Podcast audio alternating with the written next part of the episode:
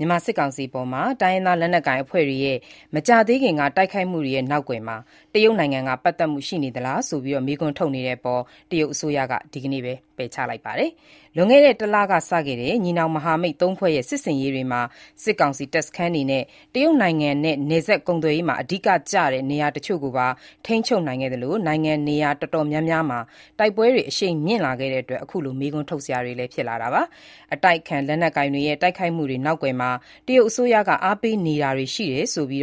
မြန်မာစစ်ကောင်စီကိုထောက်ခံသူတွေကစွပ်စွဲနေတဲ့အတွက်ဒီသတင်းတွေအတွက်ဒီနေ့ဘေဂျင်းမြို့တော်ကသတင်းစာရှင်းလင်းပွဲကိုမေးမြန်းရာမှာတရုတ်နိုင်ငံခြားရေးဌာန ပြောခွင့်ရက မြန်မာနိုင်ငံရဲ့ အချုပ်အခြာအာဏာကို လေးစားကြောင်းနဲ့ ငြိမ်းချမ်းရေးရဖို့ အခိုင်အမာ အားပေးတဲ့အတွက်ကြောင့် မသင့်မြတ်မှုတွေ ဖန်တီးတာဟာ နှစ်နိုင်ငံ ချစ်ကြည်ရေးကိုသာ ထိခိုက်စေလိမ့်မယ်လို့ တုံ့ပြန်ခဲ့တာပါ။ဒါနဲ့ပတ်သက်ပြီး NUG အမျိုးသားညီညွတ်ရေးအစိုးရ သမ္မတရုံး ပြောခွင့်ရပုဂ္ဂိုလ် ဦးကျော်ဇောကတော့"ဒီလို နိုင်ငံတနိုင်ငံနဲ့ တနိုင်ငံ ရေတပ်သင်္ဘောတွေ သွားရောက်လည်ပတ်တာ၊ပူးတွဲ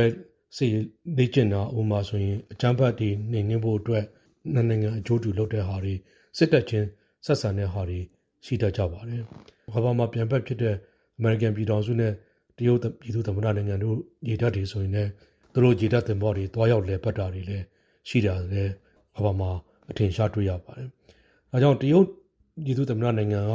ရေတပ်သင်္ဘောမြန်မာနိုင်ငံရောက်တာတော့ဒါတော့မထူးဆန်းဘူးလို့ကျနော်သုံးသပ်မိပါတယ်။"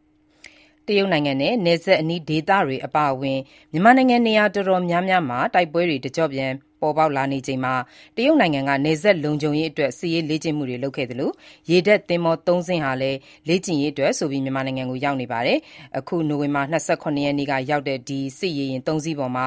ဝန်ထမ်းပေါင်း ၇၀၀ နီးပါး လိုက်ပါလာတာလည်း ဖြစ်ပါတယ်။